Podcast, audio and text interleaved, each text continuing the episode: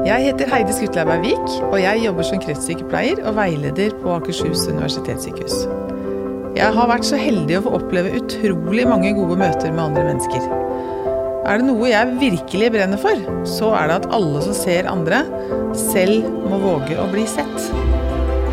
I helhjerta ønsker jeg å finne ut av hva er det som skal til for å skape de gode menneskemøtene. 30.12., litt før klokka fire på natta, så går det et stort leirskred i Gjerdrum. Klokka 04.59 så får gjesten min en telefon som vekker henne. eh, Og hvor hun får beskjed om at hun må komme på jobb så fort som mulig. Og den telefonen den kom til deg, Mai Grandi. Ja. Velkommen hit til Helhjerta. Tusen takk. Du er virksomhetsleder for helsemestring og omsorg i Gjerdrum kommune. Mm. Og du fikk denne telefonen da klokka ett minutt på fem. Mm. Fortell hva som skjedde, og hvordan, hva som gikk gjennom hodet ditt da. Ja, eh, en sånn telefon forventer man jo ikke å få. Eh, vi hadde hatt en travel jul med utbrudd av eh, covid på sykehjemmet. Eh, så jeg tenkte vel kanskje at det hadde noe med det å gjøre. Men når jeg da fikk beskjed om at det var gått et eh, stort leirskred, så eh, måtte vi tenke litt annerledes. Eh, Det var bare å sette seg i bilen og reise innover. Snakka med min kommunedirektør, eh, og vi var begge på vei innover.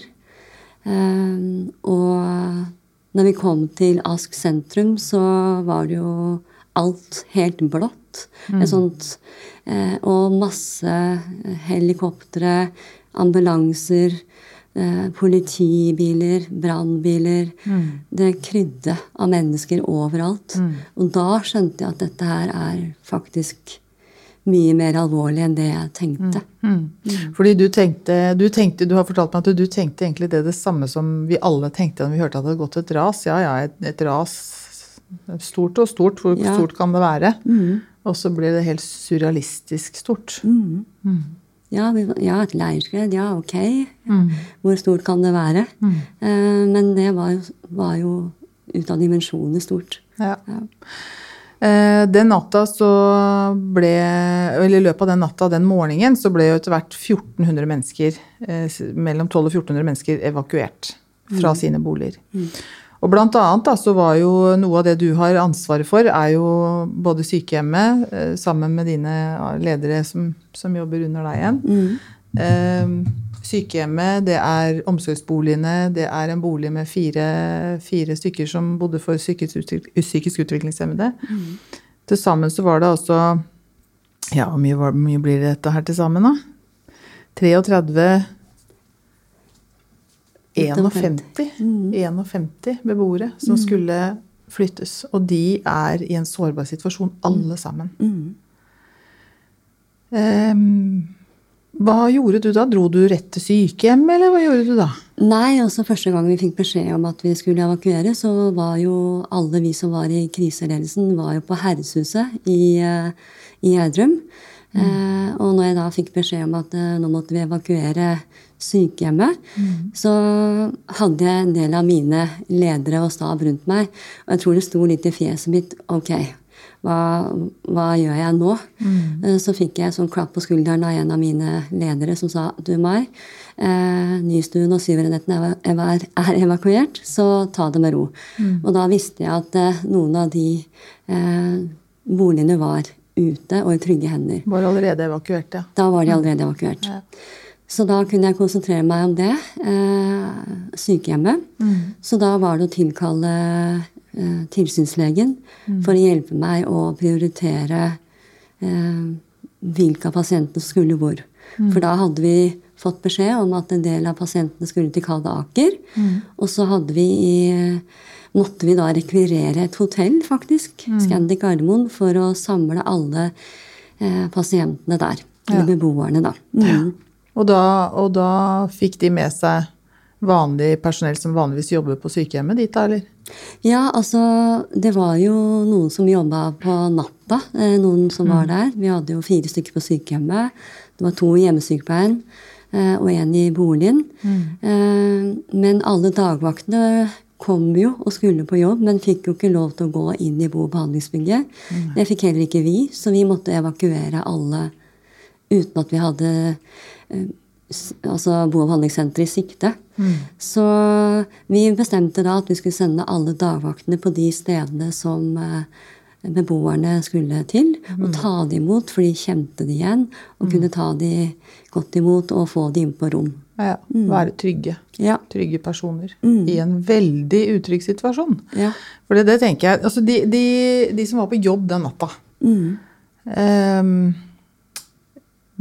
De hadde da ansvaret Jeg tenker på de, de fire nattevaktene på sykehjemmet, da. Bare for å ta den delen der. Så har de 33 beboere. De har ansvaret for den natta. Fysisk ansvaret for. Det er pasienter som eh, Og fem av dem var covid-pasienter. Riktig. Eh, pasienter som trenger medisiner, de trenger mat, de trenger varme klær. Eh, de er sårbare, de er redde, de er, noen har eh, demenssykdom. Eh, herlighet. Hvordan, hvordan takla de dette? Hva gjorde de? Ja, altså, De sto jo under et enormt press. Eh, de var alene, og så må jeg jo Strømmen hadde gått. Eh, vann, eh, vannforsyningen var stoppa. Eh, heisen sto. Eh, og brannalarmen sto og ula i, i flere timer, faktisk. Og det er klart at eh, det skaper et enormt stress når eh, de skal jobbe under de forholdene. Bare tenk deg sjøl når du har brannalarmen på hjemme. Du ville ha den av fortest mulig, men de uh, måtte jobbe med den. Uh, og så i og med at de hadde pasienter som var smitta med covid, så var det ikke så lett å gå på tvers av avdelinger og hjelpe hverandre heller. Eh, og fordi man ante jo ikke da heller at det var så skummelt. Eh, at det var ting som måtte skje i, i hurtig tempo. Mm. men de beholdt jo roen. De tok de opp, og de tenkte at eh, de må prøve å få i pasientene litt mat. Eh, og noen fikk jo gi dem litt medisiner også. Eh, og prøve å skape en så normal situasjon som mulig, har jeg blitt fortalt at de hadde fokus på. Fantastisk dyktige. De var helter, de. Ja, de, de pasientene som hadde de nattvaktene, var helt eh, ja, veldig heldige.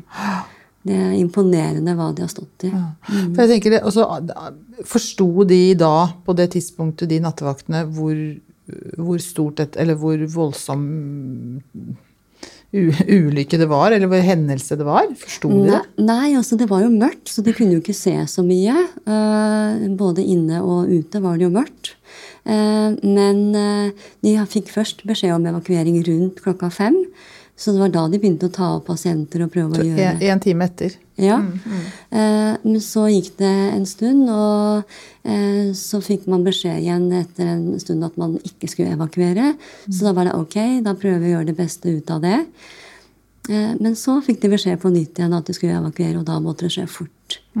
Eh, og det var rundt åttetiden, sånn cirka. Alt jeg sier må bli sånn cirka, for det er fryktelig vanskelig å stadfeste noe eh, konsis eh, klokkeslett, da. De, fikk, altså de måtte jo da flytte pasientene eh, Denne avdelingen er jo bl.a. i andre etasje. Ja. altså de måtte flytte pasientene ned uten heis. Mm. og de fikk jo virkelig prøvd seg på det som vi trener på på, på, på brannvern rundt på sykehus og sykehjem Ja. i det strakte land. Men eh, hvordan altså, Kunne de gå ned og opp igjen, og så måtte de flytte én og én pasient? Ja, det er jo ja, det er jo mange som trenger hjelp til forflytting. Ja. Eh, og ikke minst det å være urolig og redd, eh, for det skjønner jeg godt at eh, beboerne var. Eh, men så var det sånn da at eh, vi har jo brannlaken eh, i sengene, så flere blei jo flytta ved hjelp av, eh, av brannlaken da. Ja, Eh, og redningspersonell som bar dem eh, ut. Mm. Ja, for redningspersonellet kom jo etter hvert inn på sykehjemmet. Det gjorde de. Ambulanse og, og annet redningsmannskap. Mhm. ja. Og det står, Jeg har lest et sted at uh, det var 25 ambulanser som, som var med på å evakuere fra sykehjemmet og fra omsorgsboligene. Mhm. Stemmer det? Er det Jeg har ikke tall på det, Nei. så jeg vet ikke. Men jeg vet at det var uh, rapportert om rekker av ambulanser som sto Mm. for å kunne ta imot beboere og kjøre de ut i sikkerhet. da. Mm. Jeg tenker jo, altså En ting er noen nattevaktene, de traumene, den traumeopplevelsen dette må ha vært. Og så når man er i, midt i en krise, da, så henter jo vi mennesker noe voldsomt med styrke, og vi, vi takler alt mye bedre enn vi tror. Um, og Vi skal snakke mer om etterpå hvordan, det, hvordan har det gått med de. Men jeg tenker på de, disse eldre menneskene. da.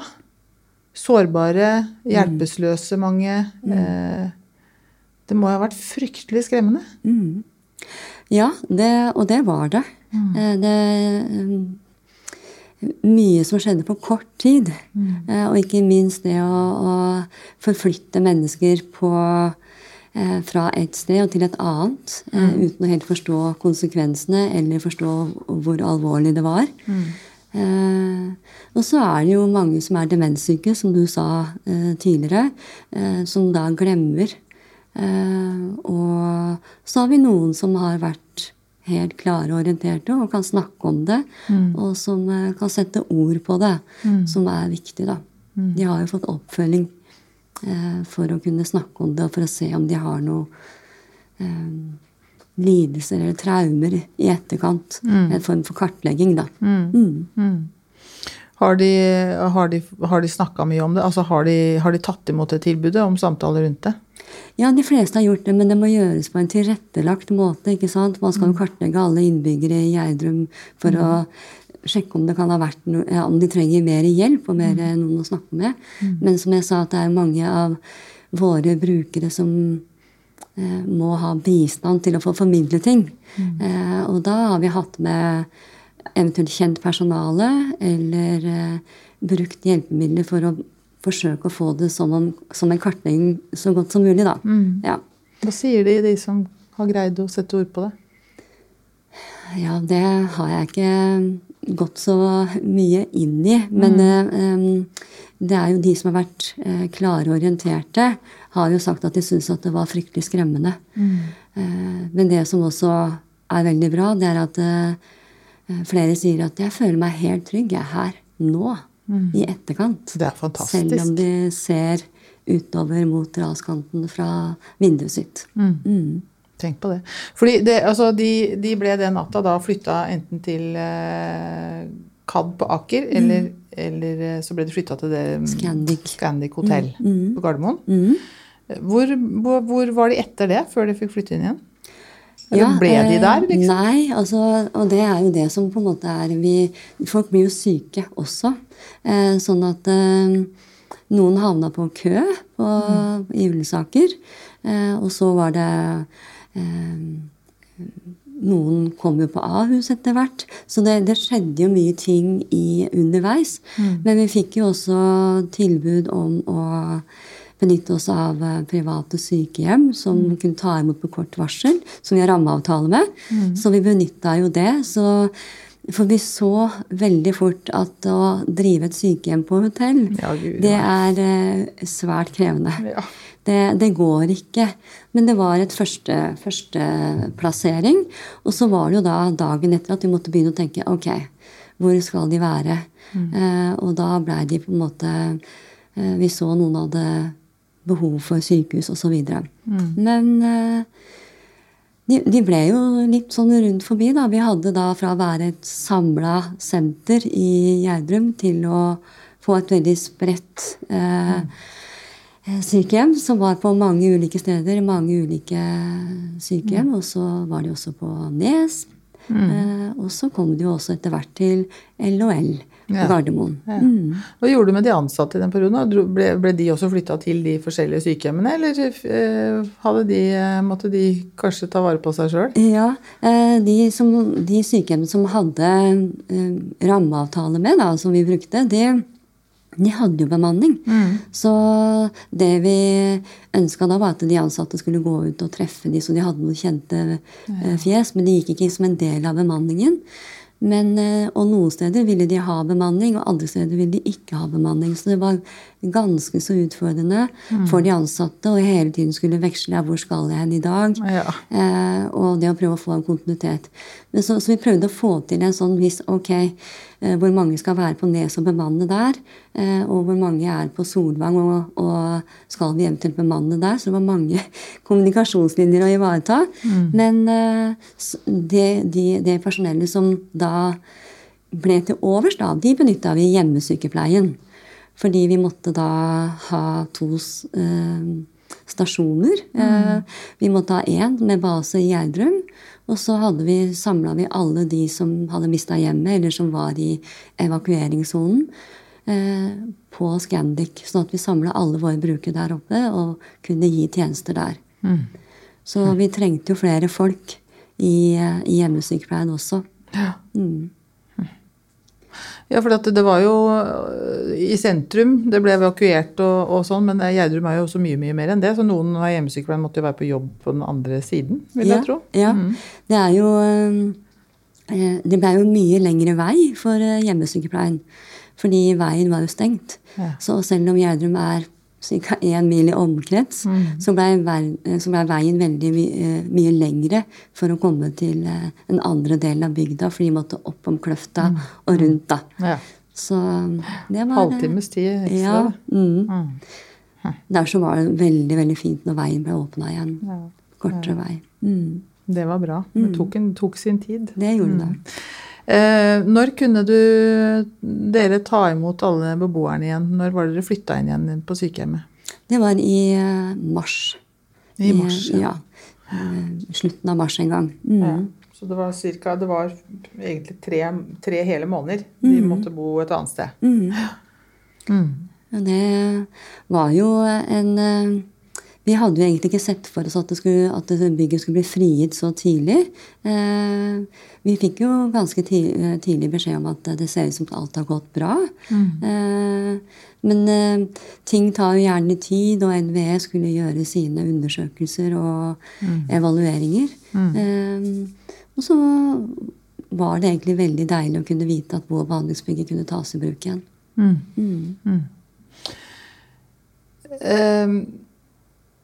Hvordan har det gått med de ansatte som var med den natta der? Hvordan har det gått? Jeg tenker, Én ting er liksom hele Gjerdrum og alle som ble evakuert. Jeg vet, jeg vet jo, for jeg jobba også litt grann med, med sånn det psykososiale i etterkant. Men jeg vet jo at mange sliter. Men jeg tenker den derre altså Det å være redd samtidig med at du har ansvaret for så mange andre liv enn deg selv, Mm. Eh, det må være utrolig belastende. Mm. Jeg har tenkt så mye på de som var på nattevakt den natta. Hvordan har, hvordan har det gått med dem? Ja, altså Vi er jo forskjellige som mennesker. Og noen takler sånn. Og, nei, noen tenker sånn og mestrer har i sine egne mestringsstrategier. Andre reagerer på annen måte. Eh, og jeg tror det er litt ulikt, det. Men jeg tror alle har eh, sterke minner fra den natta. Eh, og trenger å bearbeide tanker og sortere en del ut fra det. Eh, og vi har vært opptatt av at eh, de skulle få tilbud om eh, profesjonell hjelp eh, i den perioden. Mm. Du, sa, du har for tidligere fortalt meg at eh, noen av de som var på den jobb den natta, var veldig, veldig rolig. Ekstremt rolig, eller reagerte med veldig ro. Ja. Kan du si litt mer, fortelle litt mer om det der? Fordi det, det er jo også noe som gjerne kommer opp i oss når vi står i ja. tunge krisesituasjoner. Så, så skjer det noe med oss. Mm. Jeg tror noen eh, har en sånn evne til å bare utad Altså, man kan jo tenke sitt eh, i, eh, der og da, men så er det sånn at ja, man får ikke gjort mer, man, enn, mer enn hva man får gjort. Eh, og det å prøve å skape en så normal situasjon som mulig ut fra det man eh, vet, da. Eh, ja, det er imponerende at man greier å eh, roe ned farta. Det var jo spesielt ei som du fortalte som hadde sagt, eh, eller det som festa seg veldig hos meg, da, at eh, var ei som hadde sagt at den hjelpen jeg trenger, den vil komme. Mm. Det er fantastisk. Da har man tillit. Da har du tillit. Mm. Og, og det er så spennende, for det, hva har hun tillit til? Ikke sant? Mm. Er det, har hun tillit til at Er det en gud hun har hun tillit til, eller er det at eh, kommunen kommer til å er dyktige? Eller er det at eh, vi stoler på at det her er det så mange folk som jobber med dette at det, det vil gå bra med oss? Eller er det bare en følelse av at dette kommer til å gå bra? Så det er så veldig spennende, altså.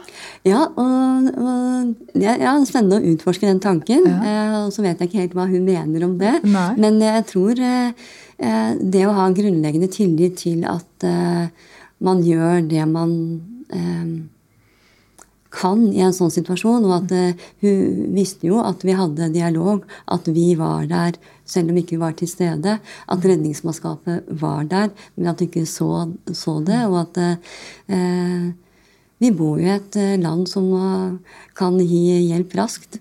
Så Det er noe med det. ja. Ja. Hadde dere telefonlinjer som virka, liksom? Eh, ja, vi hadde mobiltelefoner som, eh, som vi snakka med. Ja, Ja. Så det gikk jo. Eh, ja. Så de, det, alt det, det funka, liksom. Telenettet funka. Ja, eh, jeg har ikke fått noe beskjed om at det ikke funka. Men, eh, men det var jo spesielt i en periode når eh, strømmen gikk og vi liksom Men vi hadde jo nødaggregat eh, på eh, flere steder, da. Så det hjalp jo på. Det er, skal jo sikre at vi har eh, den nødvendige, mest nødvendige strømmen som trengs, da. Mm.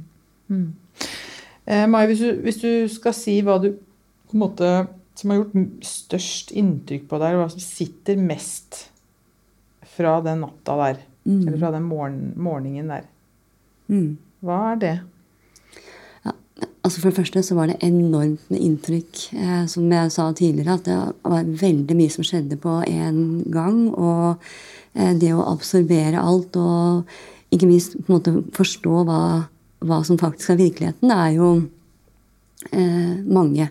Men jeg husker spesielt eh, et eh, møte som gjorde veldig inntrykk på meg, og det var når jeg kom den natta, og det var blått, og det var lyder, eh, det var ambulanser, veldig mye. Eh, og da hadde det skjedd mye fra før av. Det var jo en del mennesker som var blitt evakuert, og de dro jo da til eh, Herreshuset. Og jeg kom litt sånn heseblesende rundt hjørnet, og så skulle jeg inn på eh, Herreshuset, og så møter jeg da et ektepar eh, av den gamle sorten, om jeg kan si det på den måten, med hatt og frakk. Eh, og hvor eh, mannen hadde et godt sånn grep, grep under kona si. Ja. Og så gikk de veldig sakte, men alvoret i de ansiktene Det slo meg sånn at jeg måtte liksom trekke pusten. Fordi at, eh, og det var da jeg tenkte dette her er, dette her er alvorlig. De hadde blitt dratt ut av hjemmene sine. Eh, eller hjemmet sitt. Og var på vei da til bussen eh, som sto og venta på det for å dra til hotellet. Og de visste jo ikke om de kunne komme tilbake. Det gjorde inntrykk. Mm. Jeg tenker det er litt sånn eh, Vi hører om flyktninger eh, i krigsherja land, men dette her er liksom Vi er flyktninger i egen li, lille bygd i Norge, liksom. Mm. Det er så uvirkelig at det kunne skje. Mm. Mm. Ja, det er helt uvirkelig. Det er faktisk rette ord på det. Man, eh, når man står oppi det. Eh, de har jo flytta tilbake. De flytta tilbake i, i mars. Eh, og du, du har fortalt at uh, da du skulle inn i bygget Mm. første gangen Mm. uh, Etterpå, før alle, før alle skulle få flytte inn, så skulle du og dine ledere sikkert inn der, da. Mm. Fortell om det. Ja, det var også helt uvirkelig, fordi bygget var frigitt, og det, vi åpna det for å, at ansatte skulle komme og titte og bli kjent. Eh, men jeg ville dra dit ned først eh, og se hvordan det var, før vi åpna det opp. Eh, og det å komme inn i i bygget hvor det er så egentlig til vanlig full av liv. Beboere, ansatte, pårørende, brukere. Det var helt tomt. Eh, og ikke Altså, lydene var annerledes, lukten var annerledes. Eh, og vi gikk litt sånn i sånn eh, Og så på vegger og tak og eh, hvordan det så ut. Eh, så forlatt og så stille. Eh, og at man veldig tydelig kunne se at her var det skjedd noe i full fart. Og eh, når vi kom til sykehjemmet, så var det julelys. Det var eh, middagstallerkener som var dekt på med servietter. Eh, kaffetraktere som var, eh, som var slått av, men som ikke var full av med grut. Altså det var eh, adventsstjerner. Eh, blomster som hadde visna. Eh, senger som var forlatt. Eh, og det var en sånn mektig følelse. Og der og da tenkte jeg at dette huset skal vi ta tilbake. Mm. det skal bli full av livsglede igjen. Det er vi bare nødt for å gjøre. Mm. Åh, nå begynner, nå begynner jeg å grine. Jeg syns det er veldig sterkt du forteller dette her. Fordi eh, det har dere jo greid. Mm, det har vi. Ja. Eh, for ikke bare har dere tatt huset tilbake for beboerne og for de som jobber der, og for dere som jobber i kommunen, men dere har i tillegg så har dere greid å bli sertifisert for et livsgledesykehjem. Gratulerer. Jo, takk. Det smakte godt. Fortell litt hva det er for noe, Mai. Det er jo helt rått rett etter en pandemi, nei, både en pandemi og, og, og Ja. en eh, evakuering. Ja. Ja. Eh, da vil jeg først begynne med at vi starta prosessen for ca. to år siden. Eh, hvor eh, det blei eh, bestemt at vi skulle være med i en sertifiseringsordning. Som Det er et kvalitetsstempel, rett og slett. Eh, og en at man oppfyller kravene i verdighetsgarantien og leve hele livet. Eh, og det, tar en, det er en lang prosess, og vanligvis så bruker eh, sykehjem eh, under normaldrift bruker ca. to år på å bli sertifisert. Eh, ansatte på sykehjemmet var så engasjert at de starta opp med livsglede når de var på LHL-sykehuset. Og fortsatte det prosjektet. Eh, og det er imponerende i seg selv. Men det det dreier seg om, er jo egentlig at man får eh, Man skal oppfylle noen krav for å bli sertifisert. Ja. Eh, og det er kun retta mot beboere. De skal ha tilgang til luft en gang i uka. De skal ha, det skal være godt samarbeid med pårørende. Dokumentert. Eh, De skal ha tilgang til eh, dyr. Det skal være hyggelig og trivelig. Tilgang til dyr, hva, og som- hvordan, på hvilken måte? Inne? Ja, har dere egne hunder og katter? Ja, vi kommer. Det kommer. Eh, jula for to år siden så hadde vi eh, geitkillinger på besøk. Eh, og så har det vært hunder og katter, og det har vært treff med hester. Eh, og ja, det har vært eh, veldig gripende møter mellom dyr og beboere. Så fantastisk. Mm. Men er det sånn at dere kan ha egne huskatter og sånn, eller kan dere ikke det pga. allergi? Ja, Vi har ikke noe egen som er der nå, men det er mange av de ansatte som tar med seg egne Dyr. Da, og det er fantastisk å se. Eh, og vi har jo bilder. Vi dokumenterer jo masse for å vise disse gylne øyeblikkene. Eh, og det er helt fantastisk. Flott. Det skal være trivelig og hyggelig rundt måltidene, og vi skal ha fokus på årstidene. Eh, og alle skal ha en egen eh, ukeplan, en aktivitetsplan, eh, som sikrer disse tingene. Og det skal være dokumentert, da. Så, eh, og vi opplever jo at vi har fått et helt annet bo- og behandlingssenter, egentlig. For nå Ja. er det så mye som skjer, og det skal være mye samarbeid med frivillige. Mm. Og, og ikke minst barn mm. og ungdom, hvor vi har da arrangert at barnehagene kommer på besøk. Og så tror jeg det er fjerde klasse som også kommer på besøk på, på skolen da. Eh, det er alltid trivelig. Ja. Nå har vi hatt sykkel-VM eh, med motorvie syk sykler. Det, det var gøy. på avslutning der i går. Så det gøy. Var, ja. Og så hørte jeg eh, fra hun som er leder for helsestasjonen, ja. at eh, det er noe sånn for, for nybakte mødre, eller barseltreff Ja. og sånn. De barseltreffet skulle ha barseltreffet inne på sykehjemmet og ta med sine nyfødte eller små babyer. Det var babysang. Babysang, ja. Mm. Og det var, de, for de som har vært der, ja. var det helt fantastisk. For da satt barna i en hals, eller mødrene i en halvsirkel med babyene sine. Og så løfta de opp og sang, og så fikk de andre sitte og se, og så kunne de gå rundt etterpå. Da. Det hadde vært helt fantastisk. Ja, ja. Få holde babyen og sånn. Så herlig. Så, Så nydelig. Ja. eh, jeg tenker at eh, Vi satt og reflekterte litt rundt det i går. Nå har vi det er konserter. Vi har salg i resepsjonsområdet vårt to ganger i uka med lunsjer. Eh, kirkeringen er der. Det er så mye som skjer. Så fra at folk har sittet og halvsovet litt, Ja. er de nå sånn Hva skjer i dag, da? Ja, så gøy. Og så mye morsommere enn å være jobbe der, da, Mm. Ja, absolutt. Ja.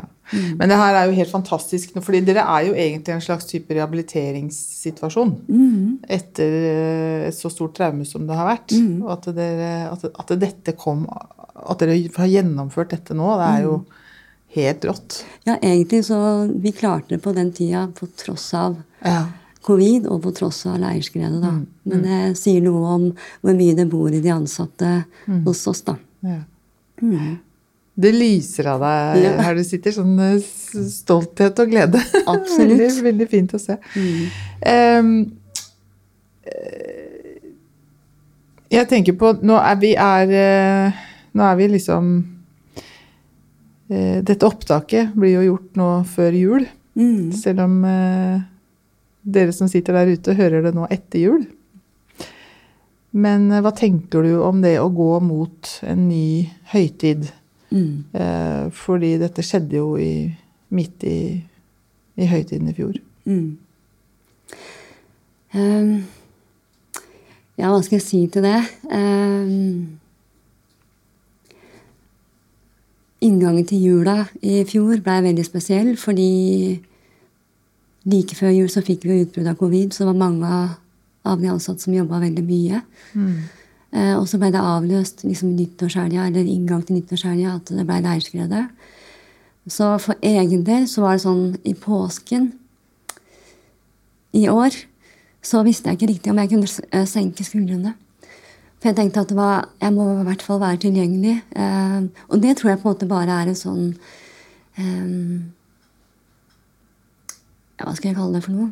En reaksjon som nødvendigvis ikke trodde at det skulle skje noe. Men, men det var likevel det der med å gå inn i en høytid og vite at man kanskje kan slappe av. Og så gikk det jo veldig fint. Eh, og nå er det jo en helt annen situasjon. Så jeg tror, men jeg tror at mange kjenner litt på den inngangen til jula i år ekstra. Det, det var jo mennesker, mennesker som mista livet. Og mange av de ansatte har vært enten direkte eller indirekte berørt, fordi de bor jo i bygda, mange av de. Eh, og har eh, sine ting å, å stri med. Så men vi jobber nå veldig bevisst med å prøve å få til eh, hyggelige ting. Eh, like før jeg kom her, så har vi noe som heter fredagsvaffel. Eh, hvor alle kan komme og sterke seg i vaffelplate og sette seg ned og snakke sammen. Eh, så jeg tror det er noe med å på en måte prøve å ta tilbake hverdagen. Ta tilbake eh, normaliteten, da. I den grad vi kan. Mm. Kommer du til å mm, snakke om det nå rett før juleferien? Med de ansatte? Altså, La det få lov til å være et tema. Tror du det er lurt, eller tror du Ja, det er lurt å ikke gjøre det? Hva tenker Nei, du? jeg tror at det er lurt å snakke om det. Eh, vi hadde nylig en samling med leder og stab eh, hvor vi evaluerte oss selv. Eh, og det var et par uker siden, men vi, det er fortsatt veldig godt å sitte og snakke sammen om det. Det frigjør noe i oss. Så jeg tror at det er viktig at vi gjør. Mm. Kjempeviktig. Og man trenger ikke å ha psykologer eller traumeterapeuter der for å gjøre det. Nei. Det er kjempeviktig å snakke og snakke og snakke. Mm, Mm. det er det. Du, mm, du er leder på høyt kommunalt nivå. Mm. eh, Og du har flere ledere under deg. på en måte. Det er jo et stykke mellom deg og pasienten. Mm. Eh, Men allikevel så, så sto du ansvarlig for, en, for så mye som du, du har 200, års, nei, 200 hoder under deg. Mm. Eh, og, og da har du også et ansvar, et visst ansvar til å tilrettelegge for at de skal ha det bra. Mm. Du må se de, ikke sant? Du må ha tanker for de og tanker rundt de. Mm. Har du opplevd at uh, har, noen, har noen sett deg? Eh, ja, eh, det, det har Det opplever jeg så absolutt. Eh, I den første tida så eh, var det det noen ganger at man bare fikk et sånn klapp på skuldra. eh, et blikk. Eh, noen som sa 'hvordan går det'? Eh, men der og da så kan du ikke åpne den døra. Eh, det blir til at eh, 'jo, takk'. Og så hadde vi eh, Men lederne og staben var flinke. Vi hadde et fantastisk samhold eh, som jeg kommer til å bære med meg for alltid. Fordi eh, når vi samla oss og skjønte alvoret ved at eh, vi kan ikke gå tilbake til bo- og behandlingsbygget, vi må ha et annet alternativ, så var vi sammen. Eh, og da var det latter, eh, det var gråt, det var frustrasjon, det var bekymring, og det var sinne. Og alt romma Altså alt ble romma. Det var raushet, og vi har en veldig god eh, Et godt samhold, da. Og, så jeg føler at jeg ble sett, og jeg håper at de så at jeg så dem også.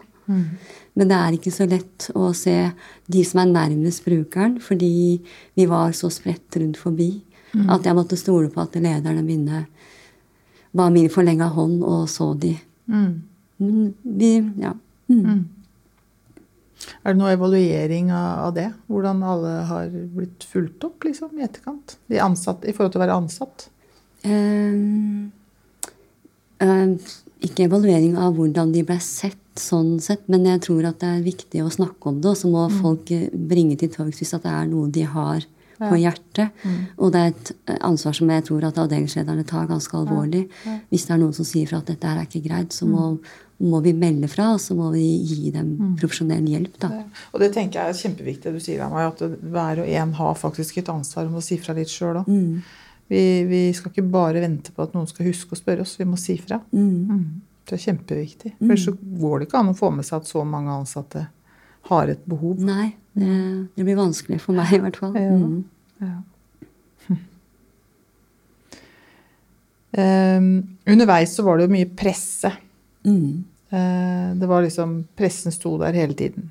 Uh, det var flere nyhetssendinger eh, i døgnet. Uh, alt dere gjorde, og vi gjorde egentlig i Gjerdrum sånn generelt, ble, ble rapportert. Mm. Og så plutselig så var det stille. Mm. Helt plutselig var det stille. Hva tenker du om det?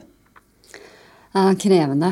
Ehm, vi blei jo veldig vant til at eh, det var mennesker rundt oss hele tida. Politi, brann, ehm, redningsmannskaper generelt. Da, ambulanse trakk seg ut etter første, etter, første døgnet. Men, men det var mye folk som gjerne ville hjelpe. Så tror jeg man blir egentlig litt sånn handlingslamma. Men hva kan jeg egentlig hva, si at jeg trenger hjelp til? Eh, Men når tida går, så ser man at ja, det hadde jeg trengt hjelp til. Eh, og så benytta vi ikke oss av det der og da. Eh, men det er jo Altså, vi har jo jobba mye med Det har vært mye etterarbeid eh, etter skredet, så det slutter jo ikke. Selv om eh, blålysene er slått av og redningsmannskapet takker for seg. Eh, vi har masse å jobbe med videre. Ja. Jeg tenker det er nesten vel så mye igjen. Kanskje mer å gjøre. Og det er jo et ansvar overfor å finne ut om ansatte, som du nevner, da, egentlig har det bra, og om våre tjenestemottakere har det bra, eller om det er noe vi skulle ha gjort eh, ytterligere, da. Så, og så har vi jo noen boliger som ikke er tilgjengelige lenger, så vi har et prosjekt for å se på nye boliger for mennesker med nedsatt funksjonsevne. Hvor bor de hen nå, de som bodde i omsorgsboligene? Og, eller de eh, andre bolig, Gruppeboligene. Gruppeboligene, ja. Mhm. ja. eh, Vi har et hus som vi leier av Årnes kommune i Årnes. Og så har vi en bolig på Jessheim. Mm. Og det går veldig bra. Ja. Mm. og det er fint. Det gleder meg. Men jeg tror det er viktig å på en måte igjen ta hverdagen tilbake oss for dem, men det tar litt lengre tid. Ja. Ehm, hvis du skulle ønske deg eh, Hvis du skulle ønske deg noe oppmerksomhet fra de der ute som ikke bor i Gjerdrum, eller som ikke er en del av hjelpeapparatet i Gjerdrum, hva, skulle- hva ville det vært? Oppmerksomhet. Ja, oppmerksomhet eller eh, hjelp eller Mm. Nei Ja, det er et godt spørsmål. Eh, Jeg tenker at det, det vi opplevde i min virksomhet, da, mm. det å skulle ivareta en 24-7-drift fra første sekund etterpå, for vi har jo en plikt på oss til å ivareta det, mm. var ganske krevende. Fordi å gi helse- og omsorgstjenester eh, døgnet rundt når man ikke har lokaler til det. Det er eh, det, det heftig? Ja. Så Nei, jeg vet ikke. Det er eh, jeg, Nei, jeg, jeg vet ikke helt. Vanskelig å si. Ja, det er vanskelig å si. Ja. Og sånn er det gjerne når man faktisk står, står litt i det. Og så kan det hende at det, at det betyr at dere egentlig greier dere ganske fint. Mm. Kanskje? Ja. Vet ikke. Jo, tror, jo, men jeg tror jo det. At det er jo Jeg syns jo på en måte på tross av alt som har skjedd, så har vi Vi har jo på en måte Vi står jo med beina godt planta på jorda. Ja. Men jeg var jo livredd for å ta en beslutning som var feil. Mm. Eh, fordi når man står der og skal ta beslutninger hele tiden, så Ja, men det var stor takhøyde og forståelse for, eh, for de beslutninger som ble gjort. Ja. Så um, jeg har ikke kommet på noe som uh, burde vært gjort annerledes. eh, eller en beslutning som har vært gjort annerledes enda. Men det får vi jo se etter hvert. Var det sånn at dere mm, kunne på en måte brife litt med hverandre før du tok de store avgjørelsene, eller måtte du ta ganske kjappe, kjapt ganske store avgjørelser underveis eh, som, som du måtte ta aleine, liksom? Ja, nei, altså jeg opplevde at vi var et godt team. Mm. Jeg hadde, Kriseledelsen er jo består av toppledelsen i kommunen. Mm. eh, Så der fikk jeg god støtte. Og så hadde vi jo kommunestyremøter ganske ofte. Eh, Og så hadde jeg mine rundt meg som, eh, hvor vi diskuterte. Og det var eh, veldig gode prosesser sånn, opplever jeg. Mm. Har dere fått eh, debrief etterpå? Mm. I toppledelsen? Mm. Det Så har vi. Ja. Og jeg og mine ledere og, og stab har også fått det. Mm. Mm. Og det var viktig.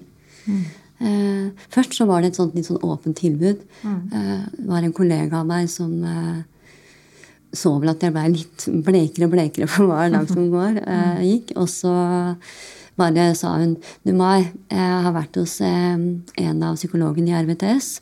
Eh, jeg bare, du får telefonnummeret av meg. Og så ga hun meg telefonnummeret, så måtte jeg tenke på noen dager om jeg skulle virkelig åpne den døra. Eh, og det gikk, gikk en del dager, og så tenkte jeg ja, jeg gjør det. Og det var veldig bra. Så jeg tror det der, igjen, som du sa, det å snakke om ting er kjempeviktig. Jeg trodde jeg skulle ramle sammen når jeg åpna den døra, men jeg gjorde jo ikke det. Nei. Nei. Igjen, vet du, vi har så mye styrke som ikke vi er klar over. Ja. Sånn katastrofe, I katastrofer så skjer det noe med oss mennesker. Mm. kommer en, eh, en indre styrke. Ja, og det er helt rart, egentlig. For jeg har liksom sånn vært sånn beundra folk som har stått i sånne kriser eller katastrofer og, og får roen over seg og bare gjør ting og tang. Men man får faktisk det. Det, jeg, det har slått meg flere ganger at eh, du må bare ta én og én ting av gangen. Og stole på folket rundt deg. Mm. Og så skal jo det være sagt at selv om vi, vi kan finne den styrken når vi står midt i det, da fordi da er det mye adrenalin, og det er mye som foregår ikke sant, i kroppen. på en måte. Eh, men så er det jo forskjellig hvordan det eh, Hvordan vi reagerer i etterkant. Og det også tenker jeg vi skal ha stor respekt for. At eh, noen trenger å, å bruke lengre tid og trenger mer hjelp enn andre. Og at det er helt greit eh, å ikke ha så mye behov, og det er helt greit å ha større behov for hjelp. Fordi det vet vi jo etter denne katastrofen at det er veldig forskjellig i bygda vår. Helt klart. Og det, det tror jeg også gjelder mange av de ansatte, den inndelingen som du sa der. fordi at du har jo du har de som faktisk ble sykemeldt. Eh, og det, er, det må de Det er grunner til det. Og så har du eh, de som på en måte, som du sier, biter tenna sammen egentlig og går på jobb, men som er slitne. Og som har liksom men som tenker at det er jo ikke så farlig for meg, det er andre som har det mye verre. Men vi skal også ivareta de som faktisk er den siste kategorien. Fordi du har noen som tenker at dette går greit, men den store hopen tror jeg har det behovet for å lette på eh, trykket eller ventilere med noen. Ja. Og få aksept for at det er helt riktig. Jeg tenker at det er, ikke noe, det er ikke noe fasit av hva som er riktig, hvordan måte det er riktig å, riktig å reagere. Så når vi skal være støttepersoner, så tenker jeg at vi, vi må gråte med de som gråter, eller gi de kanskje Prøve å hjelpe og styrke de som gråter og som har det vanskelig. Og så må vi tørre å være med de videre på veien, de som er på vei videre. Og, og alle de nyansene imellom. For man re reagerer jo forskjellig. Ja.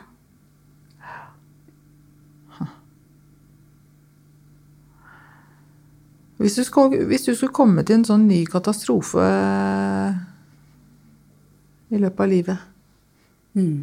hva tenker du at du vil ta med deg som du gjorde veldig riktig denne gangen? Hva vil du gjøre igjen? Um, det å samle folka mine rundt meg, at vi er sammen. Um, fordi det å bygge et lag, bygge en stab og ledere som eh, tar ansvar for sine igjen, for det er jo det som er de som er nærmest brukeren, som er kjempeviktig. Mm. at jeg kan være trygg på det. At det blir utført, for det ble det. Eh, og så har vi gjort noen evalueringer eh, i etterkant, som jeg sa, hvor vi snakka med eh, eller vi snakka med ambulansetjenesten og fikk fylt inn noen hull i historien vår. Av ting som vi hadde lurt på. Eh, og hva vi kunne gjøre bedre. Det å, å snakke sammen. eh, finne hverandre. Eh, hvis, at ambulansetjenesten og jeg kunne funnet hverandre på et tidligere tidspunkt. Ja. Så at vi bare kunne utveksla den informasjonen. er viktig. Det å ha en beredskapsmappe hvor du har kart over huset, hvor mange mennesker som er til enhver tid gjennom døgnet. At, eh, og ikke minst det De hadde ikke tilgang til bygget, men eh, eh, for å ta på seg den gule vesten. Men alle har en gul vest i bilen sin. Ja.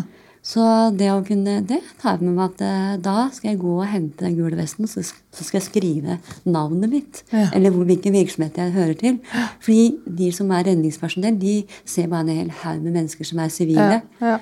Men hvis man i det øyeblikket Ja, så det er ting Så det er eh, det er noen lærepunkter som jeg har tar med meg. Jeg leste, jeg leste i, Du har jo hatt en artikkel i Sykepleien som var veldig, veldig, veldig god. Jeg syns den var veldig godt skrevet. Mm. og der skriver du også bl.a. Hvor viktig det er med identitetsmerking av de som bor der. For de har jo ikke armbånd sånn som på et sykehus når man bor på et behandlingssenter eller et sykehjem. Hva- Hvordan skal man identitetsmerke noen som bor i et hjem? Ja. Eh, vi har jo eh, mange som er, har, lider av demenssykdom, og mange kan ikke heller gjøre rede for seg selv. Eh, og det å bruke disse armbåndene som de har på sykehusene, er ikke riktig, for det er i deres hjem. Men jeg tenkte rett og slett på at vi burde hatt skrevet ut eh, personalia på en klistremerke klistremerker som lå lett tilgjengelig ved inngangsdøra til pasientene. For der har vi en sånn Lomme, ja. ja, lomme. Eh, og bare sette den på idet de går ut av døra, og sikre at folk ser hvem jeg er, hvis jeg ikke kan gjøre rede for meg selv. Jeg kan jo bli syk, eller Ja. hva som helst, men det er, eh, det er ikke farlig, fordi det er en evakueringssituasjon, og da er det viktig å bli merka, da. Ja, ja. Så det, det er læringspunkter videre, absolutt. Det tror jeg er viktig. Det er sikkert mange, mange sånne ting å tenke gjennom når man Ja. først har vært gjennom det. Ja. Blir dere spurt mye om å komme til andre steder og fortelle hva dere har opplevd? Ja, det har vært, eh, det har vært noe. Eh, Jeg skal eh, på Sykepleierkongressen og holde et innlegg der angående bærekraft. Og så er det jo her, og så har det vært intervjuet. Men jeg tror det har, det har vært ulike folk som har blitt kontakta ulike steder. Så, så noe har det vært. Mm. Det er bra, for jeg tror det er kjempeviktig når folk først har opplevd så store katastrofer som dette her, så er det viktig at de erfaringene kan vi andre prøve å lære noe, eller de andre som ikke har vært med på det, kan prøve å lære noe av det. Og det tenker jeg er mye bedre rusta Ja. eh, hvis jeg skulle havne opp i en sånn situasjon igjen. Det er kanskje det som du påpeker, da, at andre kan dra nytte av. Hvilke læringspunkter tar vi med oss videre ja. eh, og forbedrer. Mm. Det som i hvert fall er sikkert, det er at vi er eh, Vi er så heldige, tenker jeg, at vi bor i et samfunn hvor det er enorme ressurser, med, og det er ufattelig dyktige mennesker rundt oss. Eh, både på, eller på alle, i alle ledd i, i kommunene. Det er redningsmannskap, det er et, en hel nasjon som støtta opp om Vedum. Eh, jeg sier veldig 'også vi', og det er fordi jeg bor i Vedum. Ja. Men det er jo Det er helt fantastisk eh, mye bra som skjer, og som vi ser at vi faktisk har rundt oss av hjelp når vi først står i en katastrofe. Men det er klart at fra det at det var så masse mennesker, til at det plutselig er ingen, det er for noen ganske heftig å gå, stå og gå videre i. Og det er vel noe vi kanskje også kan ta med oss. Hvor, hvor eh, det bør være fortsatt litt interesse for hvordan det går med de, de menneskene som har opplevd dette her. Mm. Mange har flytta hjem igjen. Mange er fortsatt litt redd. Mange er fortsatt ganske mye redd. eh, Og noen er ikke redd. Ja. Eh, Og det er noe med å favne alle, alle de som føler de forskjellige tingene. Mm. At det blir skrevet litt om at det også er litt interesse, skulle vært litt interesse rundt. ja, det er viktig. Etterlyser jeg litt, egentlig. Ja, ja, jeg er enig med deg der. Ja. Mm. Um, Mai, uh, jeg er så imponert over den eh, jobben dere har gjort i eh, kommunen på alle, i alle virksomhetene. Uh, og dere har virkelig hatt hjertet med dere for, for alt som har skjedd. Og jeg syns at uh, måten du forteller det, om, om, det du har stått i sjøl også, er uh, sterkt å høre på. Mm. Og nå, Mai, skal dere gå videre. Uh, Dere skal fortsette jobben med å være livsgledesykehjem. Og dere skal ta vare på alle de beboerne dere har i alle enhetene deres. Og det skal dere gjøre i et hus som har utsikt til gropa. Mm. Rasgropa. Hvordan går det? Altså, vi hadde jo eh, noen diskusjoner hvorvidt vi skulle eh, legge på folie på vinduene eller ikke. Men det avskrev vi ganske raskt, fordi da hindra vi jo og utsikten til å faktisk kunne følge med. Eh, så til å begynne med så var det ganske sterkt. Og så nå foregår det arbeid der de ser at det er lastebiler eh, som kjører rundt forbi, og som drenerer, eller planerer. Jeg tror på en måte at det går bedre nå. Det har blitt en del av oss. Ja, så bra. Eh, ja. Mm. Og så var det jo mm, En viktig del var jo når veien ble åpna. Det var en spesiell hendelse. Eh, og en god hendelse. Eh, jeg husker at jeg hadde vært på et møte, eh, og at veien skulle bli åpna. Og at det skulle være en kort markering eh, på veien. Eh, det var en litt varm dag, husker jeg. Eh, så jeg parkerte bilen eh, på nedsida av bo- og behandlingssenteret og så tenkte jeg nå skal jeg gå ned og se om jeg finner noen jeg kan snakke med. Eh, og så idet jeg går nedover, så får jeg en sånn gåsehudfølelse. Fordi stemningen var så varm. Eh, den var så verdig. Eh, den var eh, respektfull. Eh, og så var det glede oppi det òg. For midt oppi det, så vi vet jo at det var folk som mista livet. Samtidig så går eh, livet videre. Og det å åpne veien igjen skapte en, eh, en ny fase for oss, rett og slett. Eh, og jeg ble stående og snakke med noen av de ansatte, og vi var enige om at dette her var en verdig og fin åpning. Mm. Du sa det var en sånn dempa stemning. En dempet stemning. Ja. Mm. Mm. Det var veldig fint. Mm. Jeg tenker at uh, Gjerdrum kommer seg på beina igjen. Uh, de aller fleste menneskene som bor i Gjerdrum, vil også komme seg på beina igjen. Og så er det noen som kommer til å slite lenge med det. Så skal vi eh, fortsette å ha tankene også på de. Mm. Og jeg tenker at vi skal sende masse varme og masse styrke til de som har mista sine. For det ble Med den lille babyen så var det elleve mennesker som døde. Mm. Og de trenger at vi ser dem, de som er etterlatte etter dem. Men vi trenger også at Gjerdrum blir tatt tilbake. Tar tilbake livet. Mm. Vi gjør det. Ja, vi gjør det. Kjære Mai, tusen, tusen takk for at du eh, gjorde den jobben du gjorde. Og alle kollegaene dine. De som jobber både på lik linje som deg, og de som jobber i alle leddene i Gjerdrum kommune. Dere har gjort en fantastisk jobb, og, og fortsetter å gjøre det. Det vet jeg. Og så ikke minst så må jeg bare få takke deg veldig for at du ville komme hit til Helhjerta og dele historien som du har vært gjennom. Tusen takk for at jeg fikk komme og dele historien. Det syns jeg var fint også. Mm. Helhjerta er en podkast fra Kompetansebyråen. En digital plattform for samhandling og kompetansedeling i helsetjenesten. Personer som blir omtalt i pasienthistorier, er enten anonymisert eller har gitt samtykke til deling.